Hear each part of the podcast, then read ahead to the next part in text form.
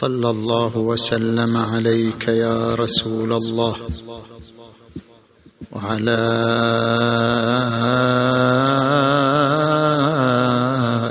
أهل بيتك المنتجبين يا ليتنا كنا معكم فنفوز فوزا عظيما. أعوذ بالله من الشيطان الغوي الرجيم. بسم الله الرحمن الرحيم.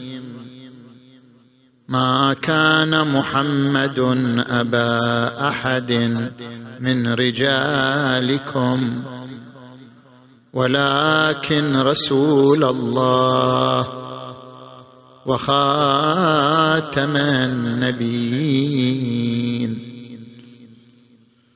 آمنا بالله صدق الله العلي العظيم.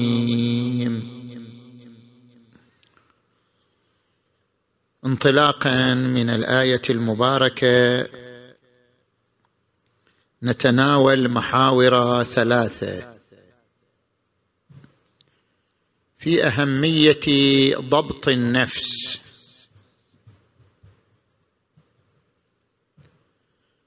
وفي معالم القيادة الروحية. وفي الشخصية الروحية للنبي الأعظم صلى الله عليه وآله. نأتي إلى المحور الأول وهو الحديث عن مهارة ضبط النفس.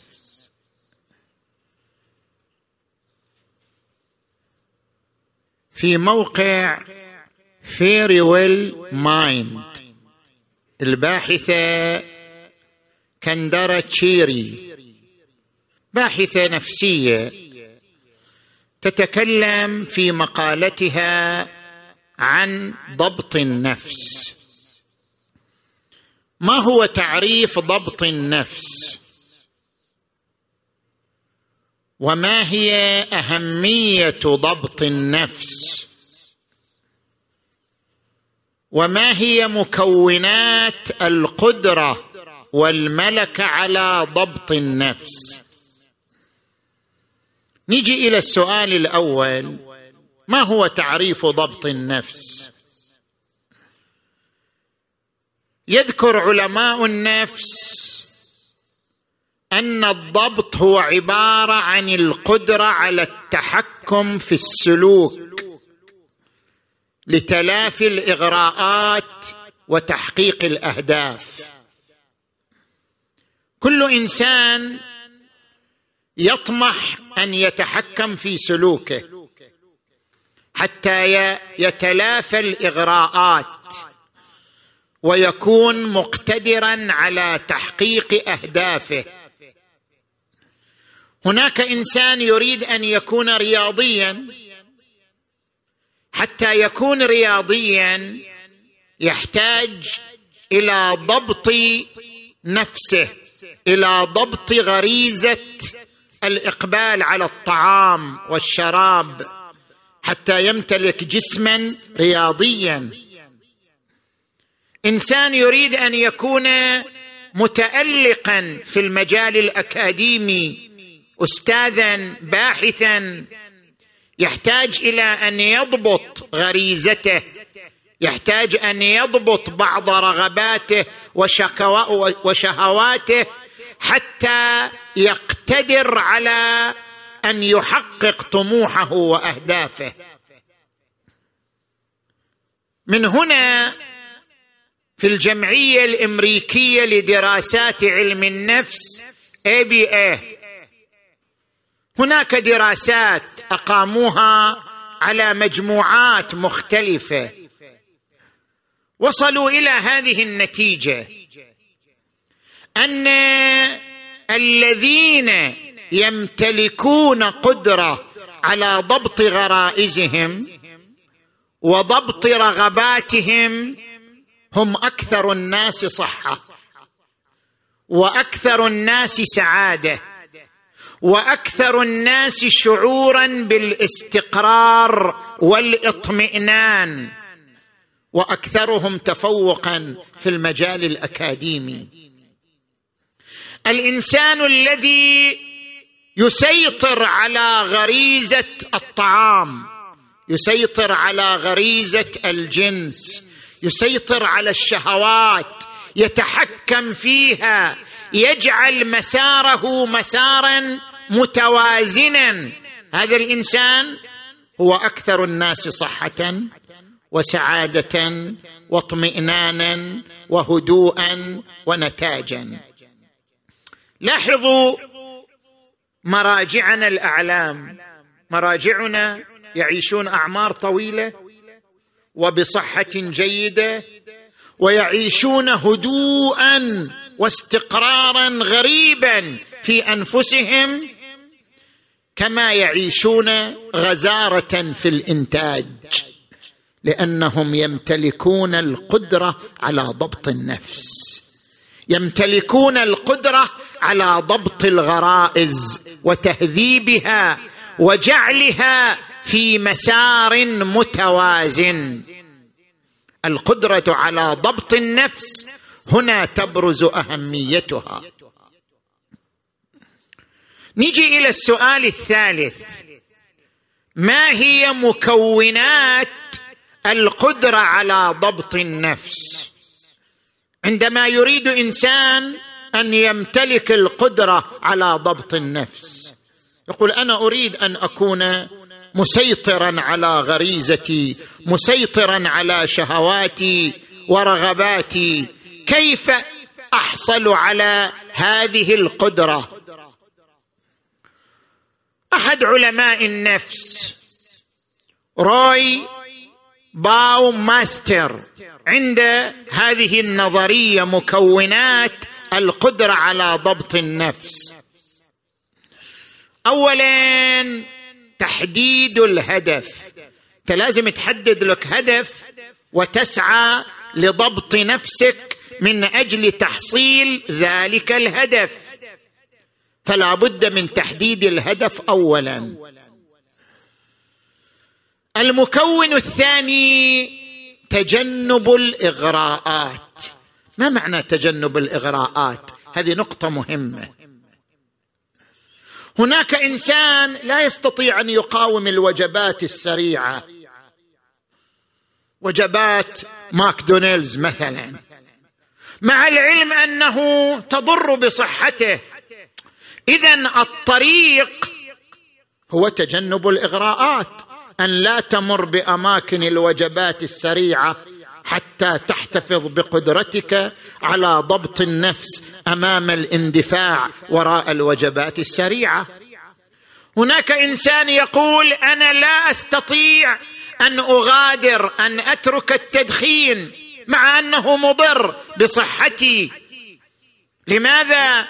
لأن الوسط الأصدقاء الذين أعيش معهم مدخنون.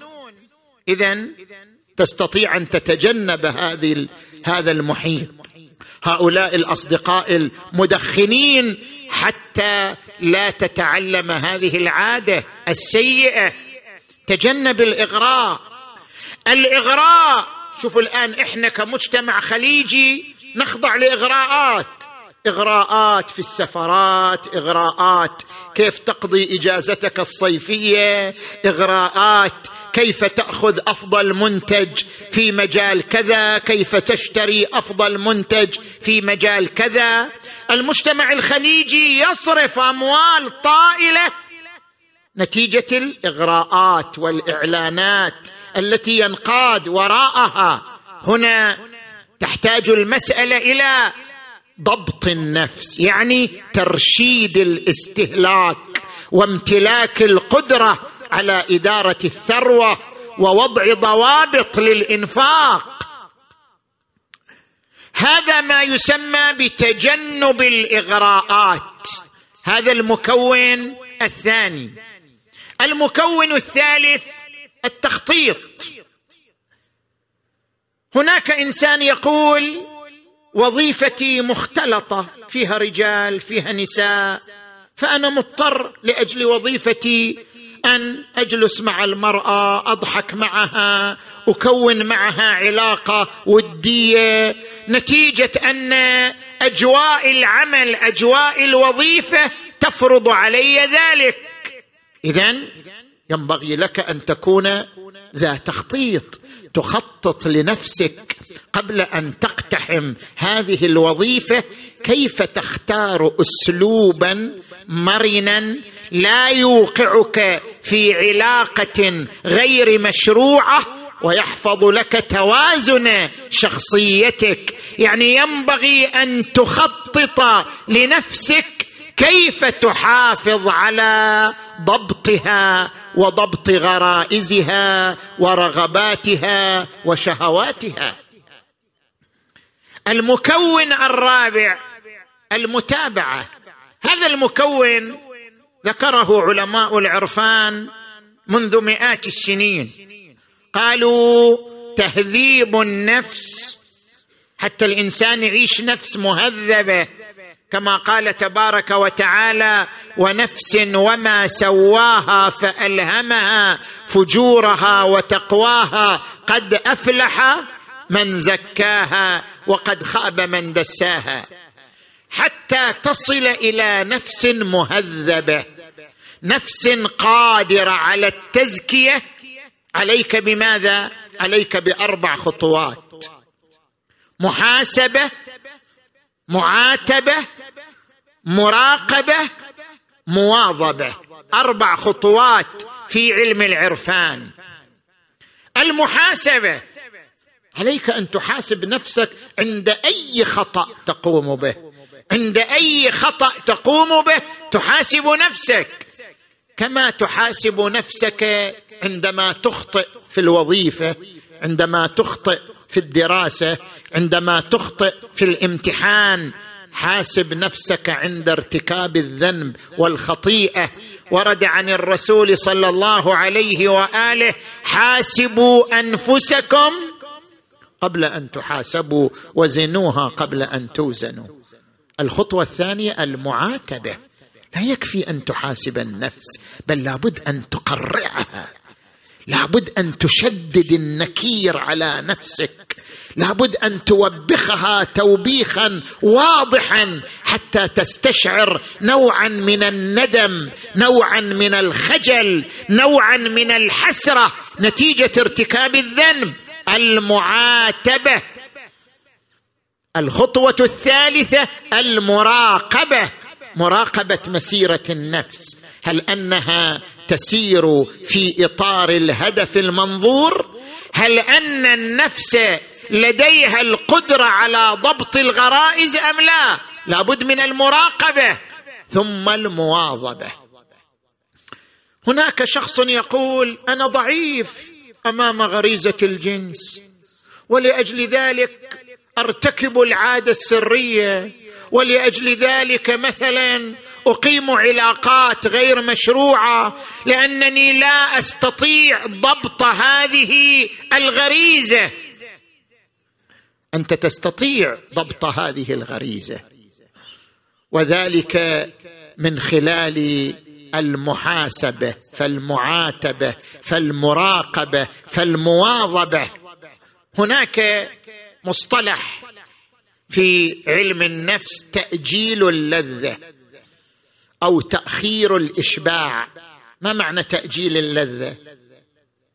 يعني أنت من أجل أن تحصل على المكافأة الكبرى أجل اللذة الوقتية. سمعتم عن تجربة مارشميلو. هذه التجربة قام بها عالم النفس والتر ميشيل أقام تجربة على مجموعة من الأطفال.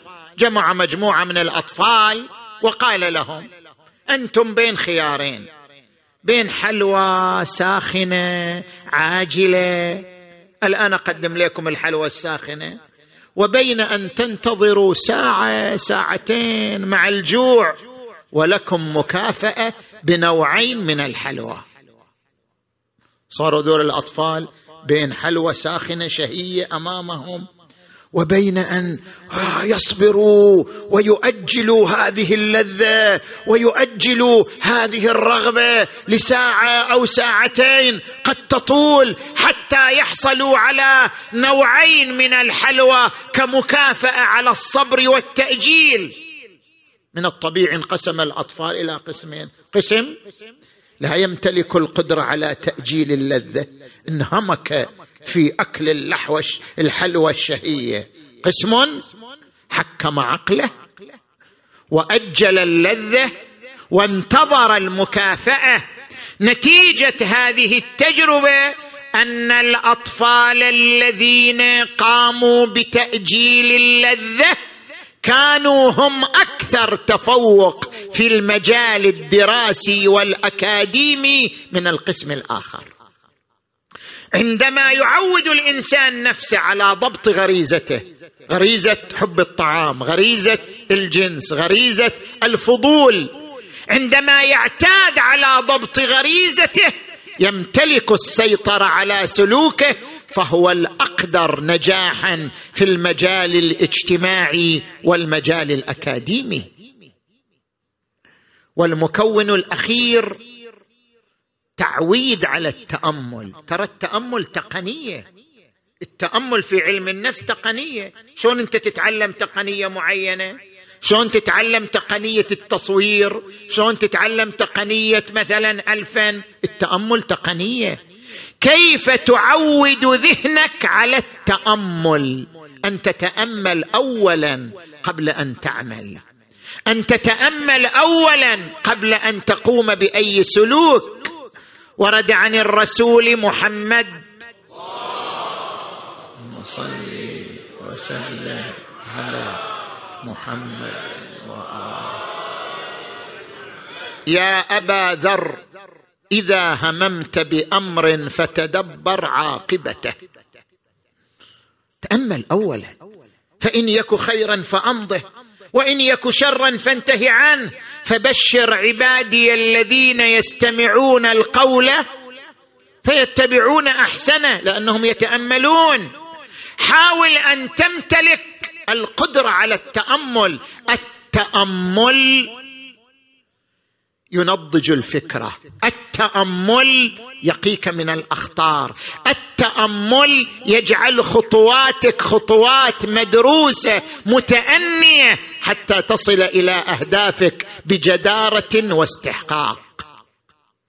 ولذلك نرى القرآن الكريم يرى أن تهذيب النفس والقدرة على ضبط النفس بالتوازن بين الأنفس الثلاثة. القران يقسم الأنفس إلى ثلاثة أقسام.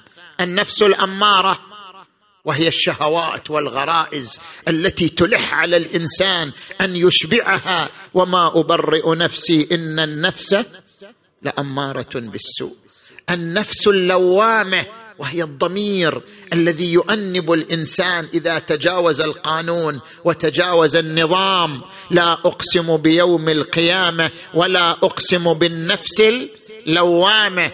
النفس المطمئنة وهي العاقلة التي تمتلك تأمل ودراسة. يا أيتها النفس المطمئنة ارجعي إلى ربك راضية مرضية. اذا القدرة على ضبط النفس هو بالتوازن بين نفس أمارة ونفس لوامة ونفس مطمئنة. نجي الآن إلى المحور الثاني من حديثنا. معالم القيادة الروحية. الدكتور مشعل العيداني من جامعة الإمام محمد بن سعود. تعال هنا قدام في مجال. الدكتور مشعل العيداني في جامعة الإمام محمد بن سعود في كلية العلوم قسم العلوم الاجتماعية. عند مدونة القيادة نظرياتها وأنماطها. يتحدث في هذه المدونة. ما هو ميزان القيادة؟ متى يكون الإنسان قائد؟ نقول هذا قائد. هنا يذكر نظريات أربع. أنا أمر عليها مرور الكرام. أصل إلى النتيجة. المنصب السمات النتاج تنوع المهارات. النظريه الأولى تقول القيادة بالمنصب. من ملك منصبا؟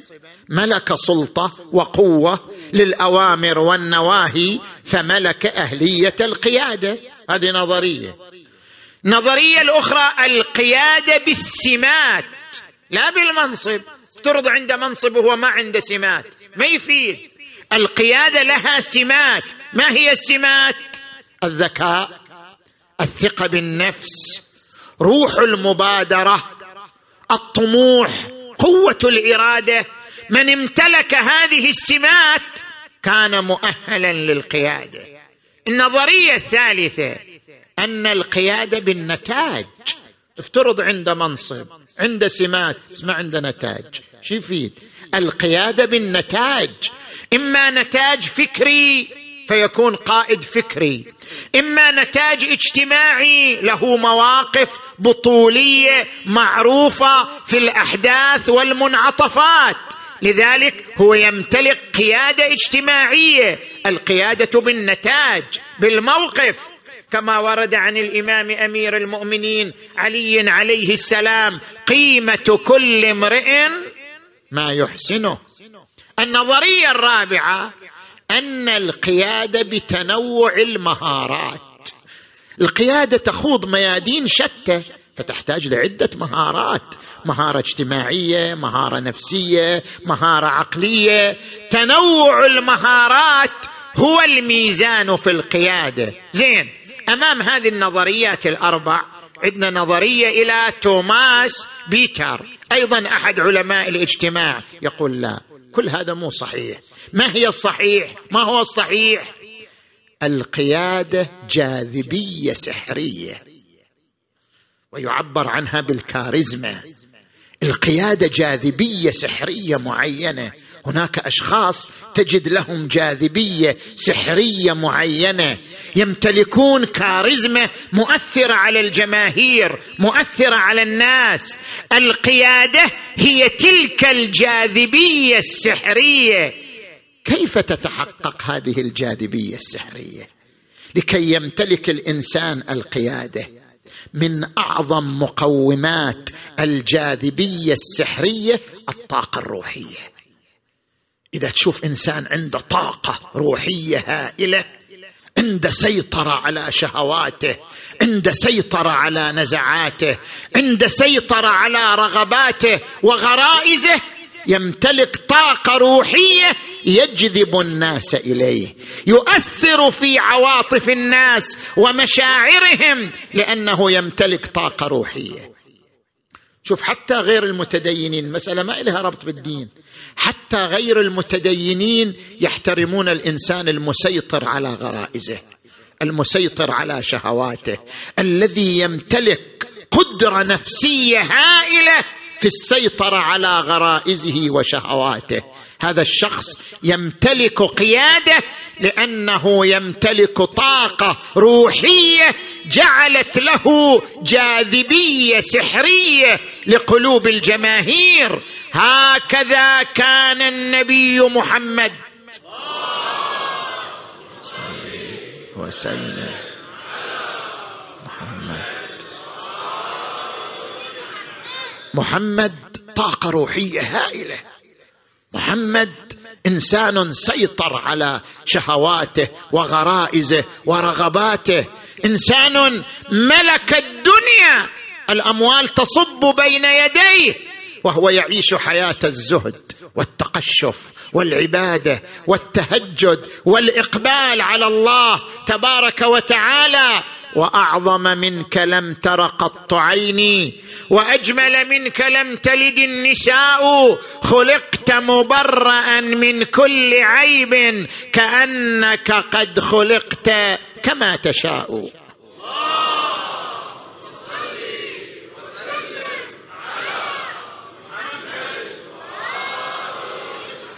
نأتي إلى المحور الثالث. الشخصية الروحية للنبي صلى الله عليه وآله. هناك شبهة أثارتها مجموعة من الأقلام. التفت إلي جيدا. هذه الشبهة أن النبي شخصية شهوية وليس شخصية روحية. النبي كان إنسانا يركز على إشباع غريزة الجنس. ولم تكن له طاقة روحية مميزة. لأننا إذا رجعنا إلى القرآن رأينا أن القرآن يصور النبي بشخصية شهوية شخصية تعيش غريزة الجنس في كل حركاتها وسكناتها. لماذا؟ آيات القرآن على صنفين. الصنف الأول الذي يتحدث عن الجنة من خلال الحور العين. كلما تحدث عن الجنة ذكر الحور العين. فكأن العبور إلى قلوب الناس والعبور إلى عقول الناس من خلال غريزة الجنس. كأن القرآن يريد أن يشد الناس إلى دوحة الإيمان لا عبر العقل. وإنما عبر التركيز على غريزة الجنس لأنه يجعل الجنة تساوي الحور العين. عندما يقول القرآن الكريم والسابقون السابقون أولئك المقربون لهم جنات النعيم. والسابقون السابقون أولئك المقربون. ثلة من الأولين وقليل من الآخرين على سرر موضونة متكئين عليها متقابلين يطوف عليهم ولدان مخلدون بأكواب وأباريق وكأس من معين لا يصدعون عنها ولا ينزفون وفاكهة مما يتخيرون ولحم طير مما يشتهون وحور عين كأمثال اللؤلؤ المكنون ويقول في آية أخرى حور مقصورات في الخيام لم يطمثهن إنس قبلهم ولا جان. ليش القرآن يستخدم اللغة لغة الترغيب في إشباع غريزة الجنس من أجل جذب الناس إلى دوحة الإيمان؟ هل هذا يعني أن النبي هو شخصية شهوية فأراد القرآن أن يعبر من خلال هذه الشخصية بهذا المنطق. الصنف الثاني من الآيات الآيات التي تتحدث عن النبي في هذا الجانب. يا أيها النبي إنا أحللنا لك أزواجك اللاتي آتيت أجورهن. وما ملكت يمينك مما أفاء الله عليك. وامرأة مؤمنة إن وهبت نفسها للنبي إن أراد النبي أن يستنكحها خالصة لك من دون المؤمنين. ثم يقول ترجي إليك من تشاء وتؤوي إليك منهن ترجي منهن من تشاء وتؤوي إليك من تشاء. ما هذا التعبير؟ كأن النبي إنسان لا شغل له إلا طلق ويتزوج. يرجي من يشاء يعني يطلق ويأوي من يشاء يعني يتزوج وأن الله أحل له من النساء وملك اليمين وامرأة مؤمنة وهبت لها نفسها للنبي كل ذلك خالص له من دون المؤمنين. هذا تصوير للنبي تصويرا شهويا غريزيا. هذا يعني أن القرآن منحاز للنبي. كأن القرآن كتب وصيغ على طبق رغبات النبي. يقول له انت بكيفك بعد؟ تتزوج تطلق من تشاء نساء إماء. انت بكيفك كأن القرآن صيغ على رغباته وشهواته. وهذا يوجب التشكيك في مصداقية القرآن الكريم. ما هو الجواب عن هذه الشبهة؟ التفت إليه. عندنا عدة أجوبة. الجواب الأول. كثير من الناس يتصور أن الجنة هي مجموعة من اللذائذ والشهوات. الجنة تساوي حور عين. جنة تساوي إشباع غريزة الجنس. هذه هي الجنة. لا هذا خطأ جدا. ليش؟ القرآن لم يصور الجنة بهذا النحو. الجنة في طرح القرآن الكريم لها بعدان بعد مادي وبعد روحي. البعد المادي مجموعة من اللذائذ توفرها الجنة من أجل أن يعيش الإنسان توازن في شخصيته عندما يشبع لذاته بطريقة صحية آمنة. وهذه اللي تحدثت عنها بعض الآيات التي قرأناها. لكن البعد الروحي أهم في الجنة. شنو هذا البعد الروحي؟ الجنة ليست مهدا لإشباع الغرائز. الجنة لقاء الله. الجنة شهود آيات الله.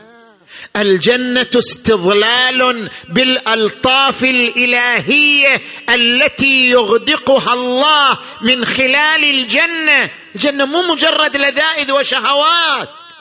لاحظوا القرآن الكريم كيف يعبر عن الجنة عندما يقول وعد الله المؤمنين والمؤمنات جنات تجري من تحتها الأنهار خالدين فيها ومساكن طيبة في جنات عدن ورضوان من الله أكبر. الرضوان أهم من هذه اللذائذ. الرضوان أهم من المساكن ومن جنات تجري من تحتها الأنهار ورضوان من الله أكبر. هذا هو البعد الروحي للجنة. البعد الروحي للجنة يعني ثلاثة مظاهر رضوان سلام رفقة الأنبياء والأولياء. رضوان شنو معنى الرضوان؟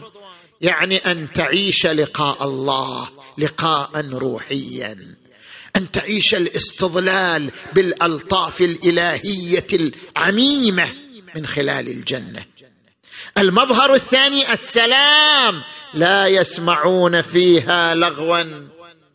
ما في سباب ما في شتائم ما في أحقاد ما في غل. لا يسمعون فيها لغوا ولا تأثيما إلا قيلا سلاما. سلاما يعني أجواء اجتماعية متفاعلة. المظهر الثالث رفقة الأنبياء. ومن يطع الله والرسول فأولئك مع الذين أنعم الله عليهم من النبيين والصديقين والشهداء والصالحين وحسن. أولئك رفيق هذه هي الجنة.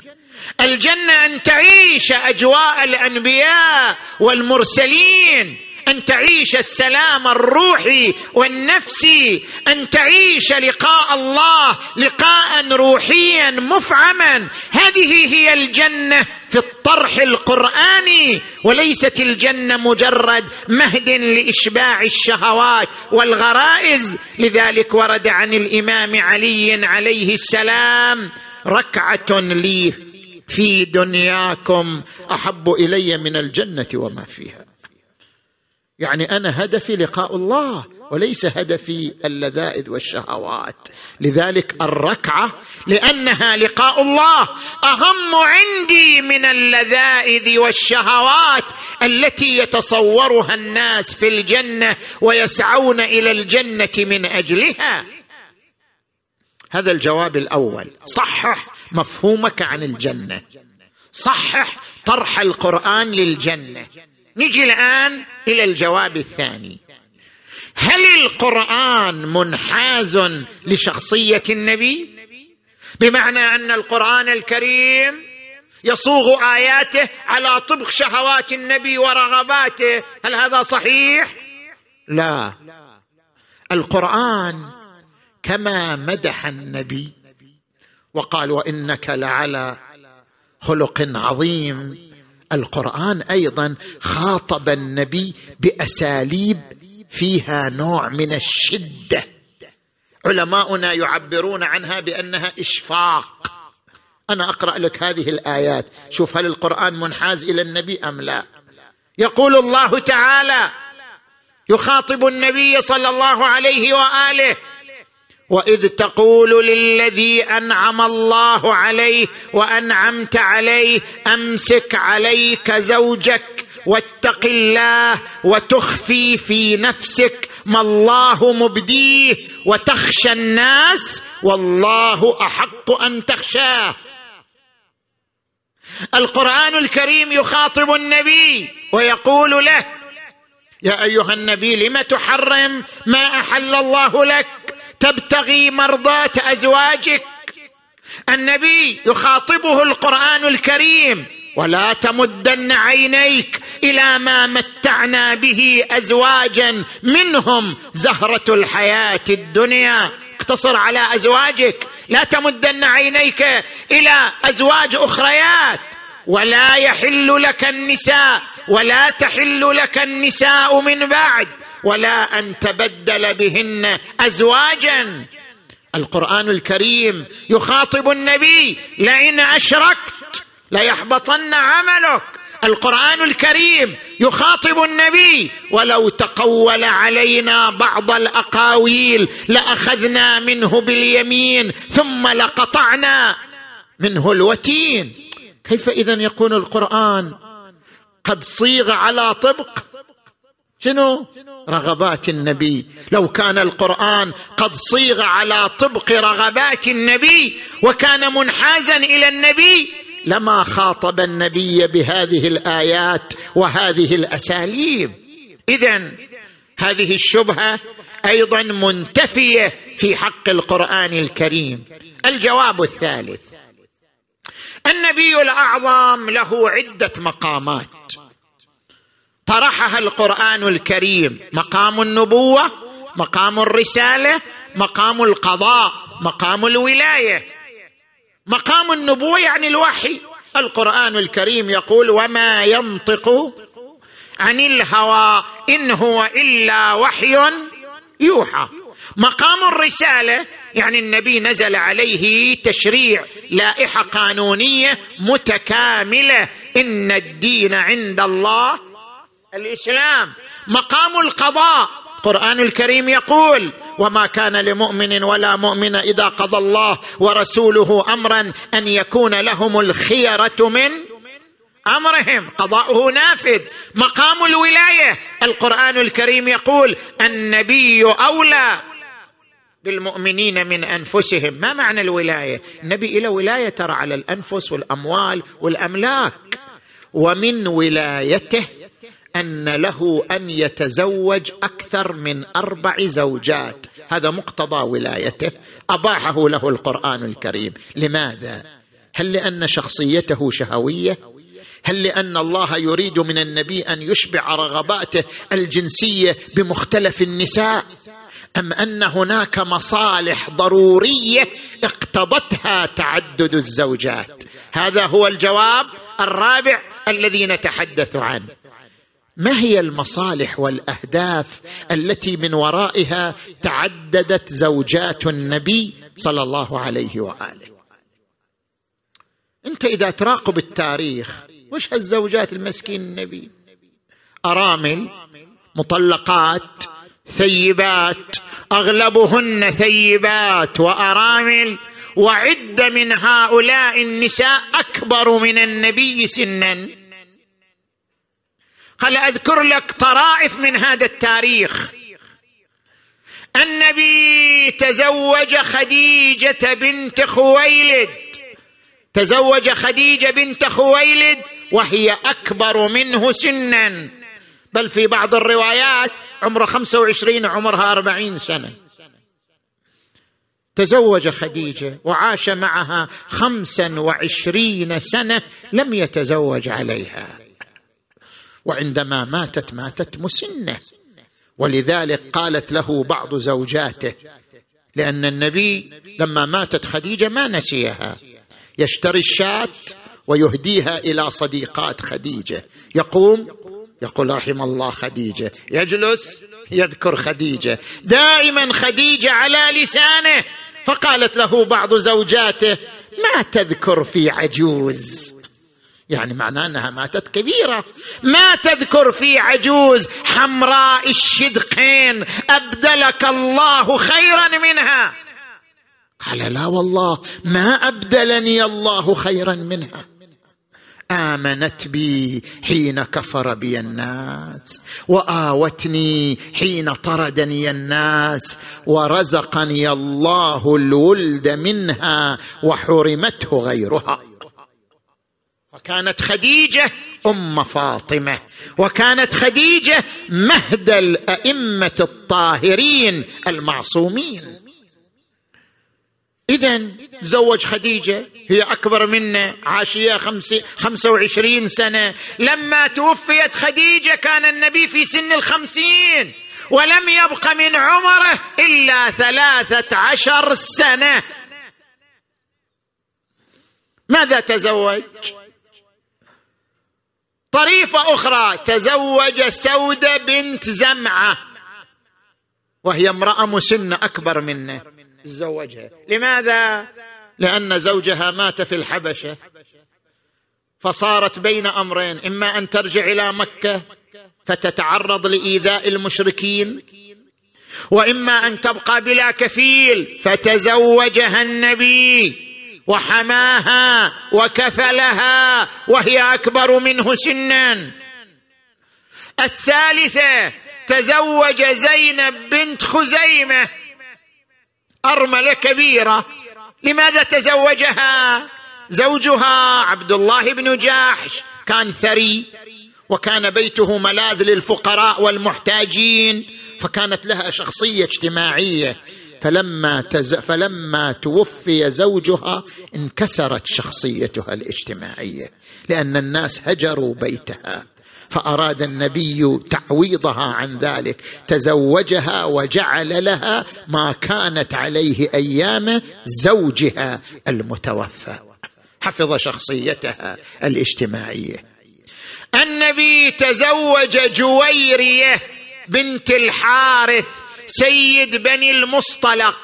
بنو المصطلق قبيلة اصطدموا ويا المسلمين فغلبهم المسلمون وأسروا منهم مئتي رجل وجاءوا بهم إلى المدينة. النبي من حكمته فكر كيف يجذب هذه القبيلة إلى الإسلام؟ وقد أسر منهم مئتان. تزوج جويري بنت الحارث سيد القبيلة فأطلق المسلمون الأسارى ودخلت القبيلة كلها في الإسلام. النبي صلى الله عليه وآله تزوج زينب بنت جحش. زينب زوجة من؟ زوجة زيد ابن حارثة. زيد ابن حارثة يسمى زيد ابن محمد. لماذا؟ لأن زيد من كان صغير. زيد مو قرشي من الموالي من التابعين. فالنبي أخذه وتبناه ما عنده عشيرة ما عنده أحد. أخذه النبي وتمن وتبناه ورباه. فكان الناس يعبرون عنه زيد ابن محمد. تزوج زينب بنت جحش زينب قرشيه من قريش وهذا من الموالي. فلم تهدأ العلاقة الزوجية بينهما. إلى أن طلقها زيد. طلقها زيد تزوجها النبي. لماذا؟ لا لأنها جميلة أو أنها بارعه فقط لقضية تشريعية. أن أهل الجاهلية كانوا يقولون يحرم على الرجل أن يتزوج زوجة ولده حتى لو كان ولد بشنو؟ بالتبني يعني يحرم على النبي أن يتزوج زوجة زيد لأنها زوجة ولده بالتبني. أراد النبي أن ينسف هذه العادة الجاهلية ويريهم أن الأب يمكنه أن يتزوج زوجة من تبناه. لا يصح له أن يتزوج زوجة ولده الحقيقي ولكن يصح له أن يتزوج زوجة من يتبناه. ونزل قوله تعالى فلما قضى زيد منها وطرا زوجناكها. إحنا أمرناك بذلك لكي لا يكون على المؤمنين حرج في أزواج أدعيائهم إذا قضوا منهن وطرا. اذا النبي تزوج كل شنو لأهداف اجتماعية لأهداف دينية لأهداف رسالية. نظر النبي إلى مجموعة من الأهداف التي أراد منها ترسيخ الدولة المحمدية التي بناها. نجي إلى الجواب الخامس. النبي صلى الله عليه وآله لو كان رجلا شهوانيا لاختار الفتيات الجميلات الأبكار خصوصا أنه رئيس الدولة وبيده الثروات. ولو عرض نفسه للخطبة لهؤلاء الفتيات لتشرفن بالزواج منه خصوصا أن النبي وإن كان قد بلغ الخمسين من عمره كان جميلا بهيا جذابا. فلو عرض نفسه لخطبة النساء لقبلته حتى الفتيات في ذلك الوقت. لكن النبي لم يقم بشيء من هذا. اقتصر على مجموعة من الأرامل والمطلقات ولم يكن فيهن أبكار إلا واحدة أو اثنتان.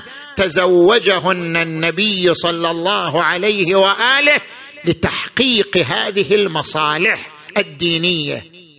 وكيف عاشت زوجاته؟ تدري انت زوجات النبي يعني اللي يتصور يقول هذه زوجات الرئيس؟ يعني كل واحدة منهم رئيس. كيف عاش زوجات النبي؟ ابدا.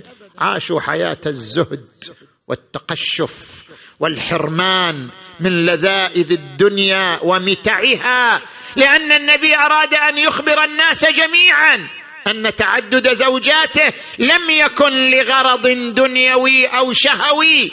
لذلك أقام زوجاته على طريقه طريق الزهد التقشف طريق البعد عن لذائذ الدنيا. لذلك قال تبارك وتعالى يا أيها النبي قل لأزواجك كنتن إن كنتن تردن الحياة الدنيا وزينتها فتعالين أمتعكن وأسرحكن. سراحا جميلا يعني طلاق سراح يعني الطلاق.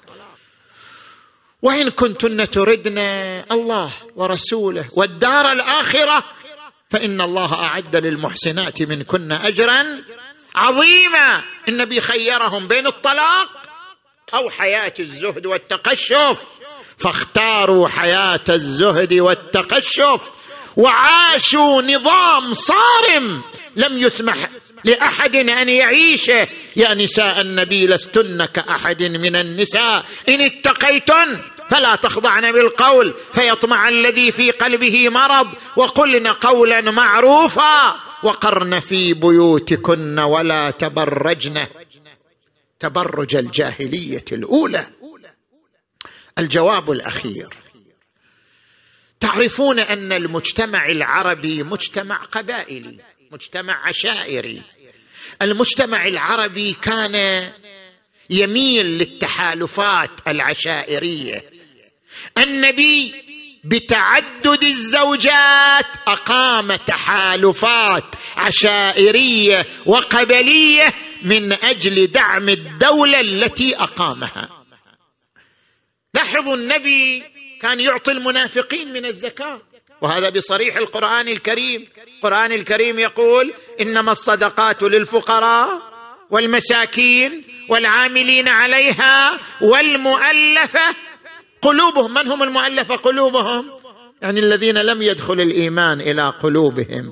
النبي كان يعطيهم سهما من الزكاة من أجل وقاية خطرهم من أجل جذبهم وتحبيبهم إلى الدين من أجل ترسيخ الدولة المحمدية.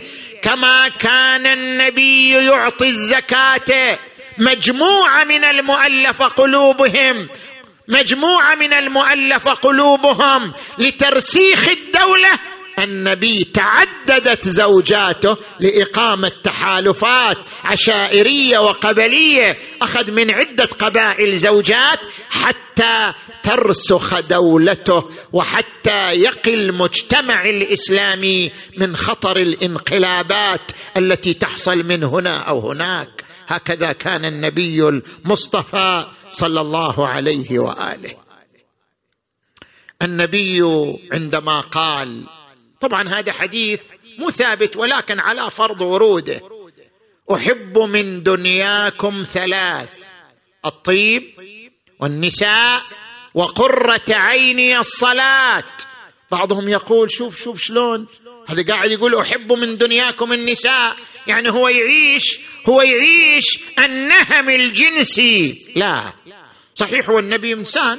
كل إنسان يحب المرأة هذا طبيعي في, في الإنسان. قل إنما أنا بشر مثلكم يوحى إلي. من الطبيعي أنه يحب المرأة. لكن هذا الحديث مو ناظر إلى هذه النقطة. هذا الحديث تكريم للمرأة أن وضعها في صف الصلاة. أحب من دنياكم ثلاث الطيب والنساء وقرة عيني. الصلاة لا يوجد محبوب لدى النبي أعظم من الصلاة. وكان يقول يا بلال أرحنا يعني أذن حتى ندخل في الصلاة.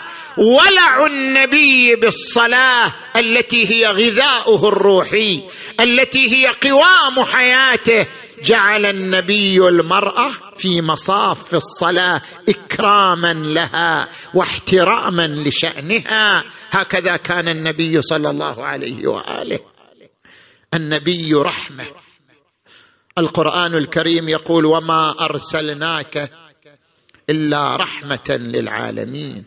كان يفيض حنانا وعطفا ورحمة على أمته. في أيام الشتاء لبس برده غليظة لتقيه من البرد فأقبل أعرابي وأمسك البرده وشدها على عنقه حتى أثرت في رقبته.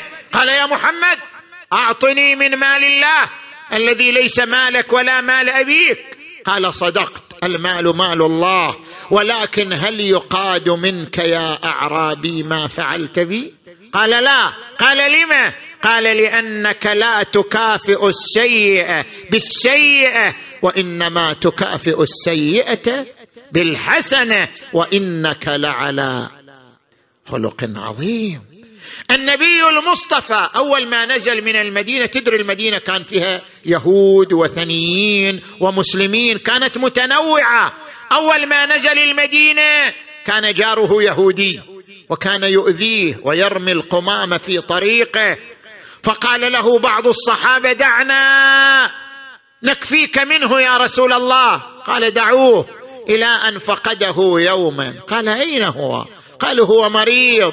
فدخل عليه بيته يعوذه ويؤنسه ويعينه حتى لم يتمالك الرجل. قال يا رسول الله أنت محمد رسول الله. الله أعلم حيث يجعل رسالته فيك. النبي ذهب إلى الطائف يدعوهم إلى الإسلام فأمروا صبيانهم وسفهاءهم بأن يرجموا النبي بالحجارة. خرج الصبيان والسفهاء يرجمونه من كل مكان بالحجارة والأشواك حتى دميت رجلاه فجاء واستند إلى حائط ورفع يديه لا ولول ولا بكى ولا شتم ولا دعا عليهم بل قال بكل هدوء وحنان اللهم اهد قومي فإنهم لا يعلمون. هكذا كان رحمة هكذا كان حنانا. كان يحمل الحسنين على ذراعيه يقبلهما ويقول اللهم إني أحبهما فأحب من يحبهما وأحب من يحبهما وكان يحن على حبيبته فاطمة يقف على باب بيتها ويقول فاطمة بضعة مني يؤذيني ما يؤذيها. ويؤلمني ما يؤلمها وكان يستأذن عليها ويقول فاطمة أأدخل؟ فتقول يا رسول الله البيت بيتك وأنا ابنتك ليش تستأذن علي؟ قال أريد أن يسمع الناس. أني أستأذن في الدخول. يا رسول الله يوم بيوم وساعة بساعة.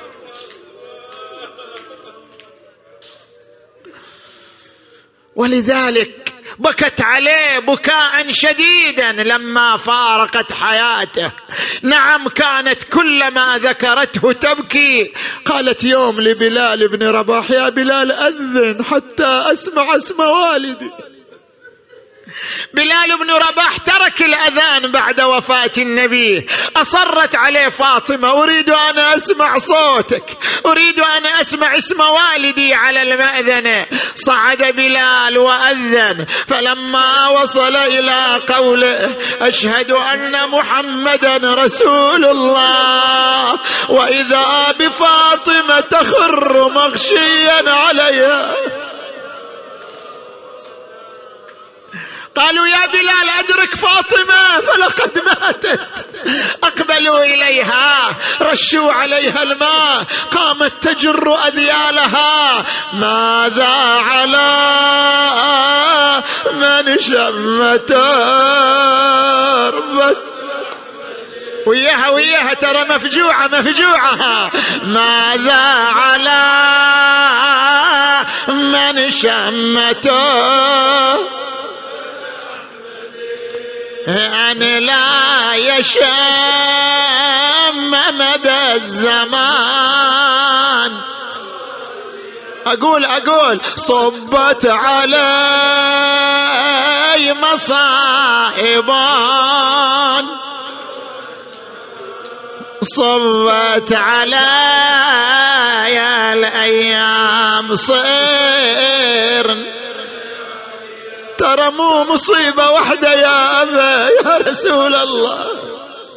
إيه إلى أن حضرته الوفاة هذه أعظم ساعة. لما حضرته الوفاة دعا أمير المؤمنين للوصية.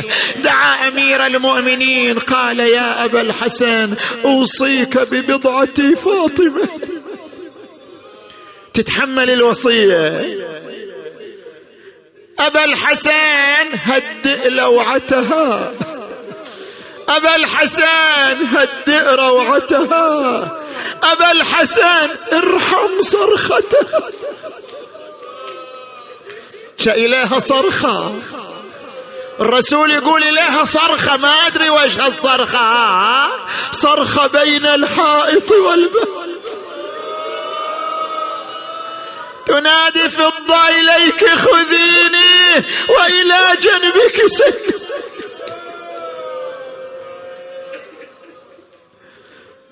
ثم قال يا أبا الحسن إذا أنا مت فجهزني وغسلني وكفني فقد نزل علي جبرائيل بكفن من السماء وقسمه إلى أربعة أقسام. فالقسم الأول لي والقسم الثاني لابنتي فاطمة. والقسم الثالث لك يا أبا الحسن. والقسم الأخير لولدك المجتبى. الله أكبر. ترى الزهرة ما تحملتها. أبا يا رسول الله قطعت نيات قلبي. تقول الكفن أربعة أقسام. أبو علي الحسين أليس له كفن؟ ما يستاهل أبو علي كفن. وكأني به يقول لها بنيه كأني بولدي الحسين صريع على الثرى تجول عليه الخيول. حسينا. يا علي كأني بالفتن وقد خرجت عليكم من ها هنا وها هنا. أما أنت يا أبا الحسن فتقتل صريعا في محرابك. وأما أنت يا فاطمة اسمعي اسمعي. وأما أنت يا فاطمة فمظلومة مهضومه وأما أنت يا أبا محمد فتموت مسموما مظلوما. وأما أنت يا أبا عبد الله فشهيد هذه الأمة تذبح ذبح الشاة من قفاك عطشانا ضمانا ضجت العائلة ومحمدا. ولن واحد على الباب يتخفى بكلامه. نادي أهل بيت النبوة والإمام. بالله ادخلوني على المظلل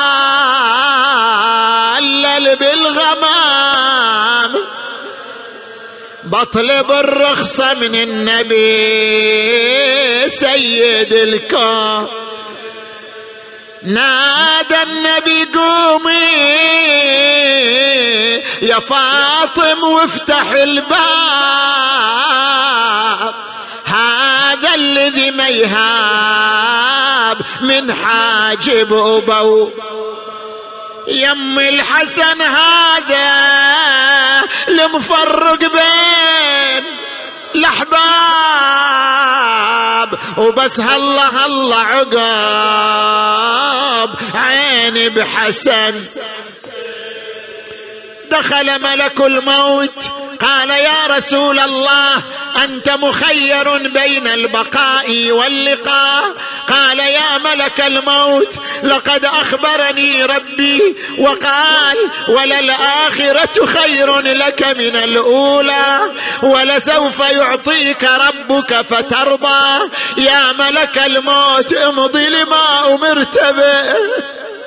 عظم الله أجوركم وقف علي عند رأسه وفاطمة عند رجليه والحسن عن يمينه والحسين عن شماله. هذا وقد عرق جبينه وسكن أنينه ومد يديه ورجليه أهل بيتي في أمان الله.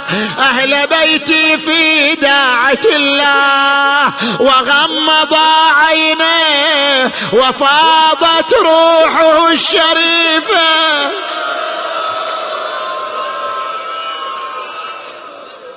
أنا مناد ومحمدا يا ضجت المدينة ونبيا.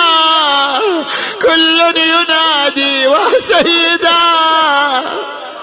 قام الإمام علي بتغسيله الله يساعد الزهرة يوم شافت على المغتسل.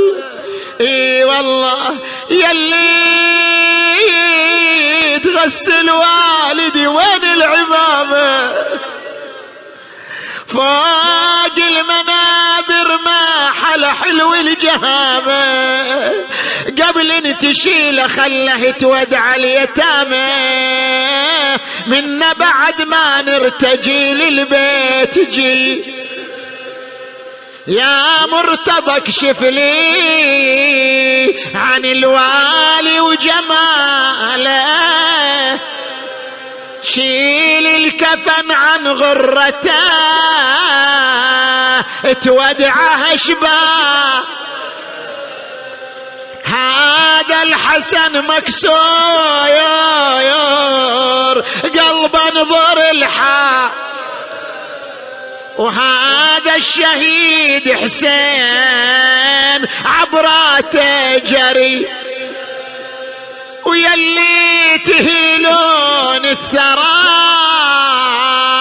دفنوني وياه. ما أقدر أشوف البيت خالي من محي. قشرة تراه تصير عيشتنا بلد. أنا بعد النبي ما أريد هالدنيا. قامك يا أبويا ما رعاني ما رعاني.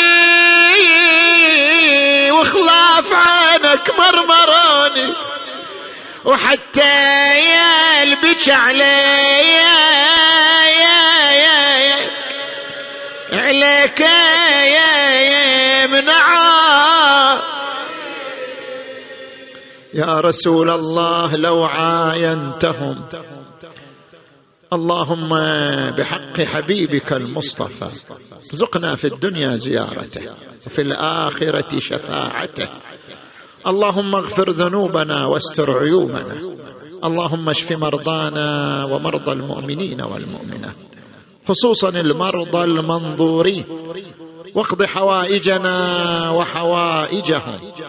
اللهم عجل فرج وليك وابن أوليائك واكتب له النصر والظفر واجعلنا من أنصاره وأعوانه والمرضيين عنده. ارحم أمواتنا وأموات المؤسسين والمؤمنين والمؤمنات وإلى أرواح الجميع. بلغ ثواب الفاتحة.